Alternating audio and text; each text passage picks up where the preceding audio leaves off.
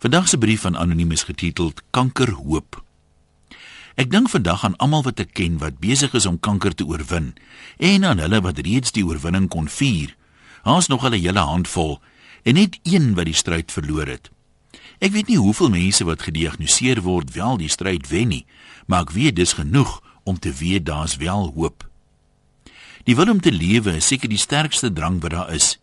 Selfs hulle wat 'n Bybelversie aanhaal oor absoluut alles, vermy die een wat sê dis 'n verlies om te lewe en 'n wins om te sterwe. Veral as hulle of een van hulle geliefdes siek is. Ek is baie dankbaar dat ek nie uit eie persoonlike ondervinding kan praat nie, maar 'n artikel in die tydskrif deel van Sondag se Koerant het my tog diep geraak. Daarin vertel Renet na Nagtegaal hoe sy besluit het om terug te beklei nadat sy gediagnoseer is met terminale lewerkanker met net maande om te leef. Sy sê onder andere: Kanker laat groei ook gedisoriënteerde selle in jou bewussyn. Wanneer jy hulpelose toeskouer van jou eie lewe word, kan jy letterlik die energie uit jou ledemate voel onttrek. Kanker teer op wanhoop. Sy besluit dat as die wil om te lewe so sterk is dat dit so intense emosies soos vrees kan skep, dan moet 'n mens so lank as moontlik aan die wil om te lewe vashou. Ek haal haar weer aan. Ek maak rolprente in my kop oor my saam met my geliefdes oor 10 jaar en kyk hierdie flieks 100 maal per dag.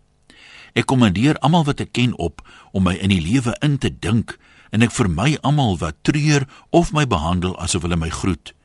Ek verander van dokter na dokter sodra ek snuf in die neus kry dat hy of sy dink ek gaan dit nie maak nie. Dokter nommer 12 deel haar hoop en na verdere behandeling is er net vandag skoon. Dis vir my 'n wonderlike inspirerende storie en verdere aanmoediging om al die negatiewe swartgallige kermderms doelgerig uit my lewe te verban. Al is dit dalk reg, steel hulle net mense lewensvreugde en wat my betref is daar geen groter misdaad nie. As jy dalk iemand ken wat nog nie die stryd teen kanker gewen het nie, hier is 'n laaste bietjie aanmoediging van Renet. Jy het die voortstuwende energie van buite nodig om jou op te lig. Ek het dit persoonlik in aksie gesien. Hoe dat SMS'e, besoeke, gebede en goeie wense my pyn letterlik laat bedaar, asof die mense wat so weier om te los op 'n metafisiese manier hoop binne my selle kweek. So, as jy regtig wil help, maar jy voel jy kan eintlik niks doen nie, weier dan ten minste net om te los. Sterkte en groete van oor tot oor. Anoniem.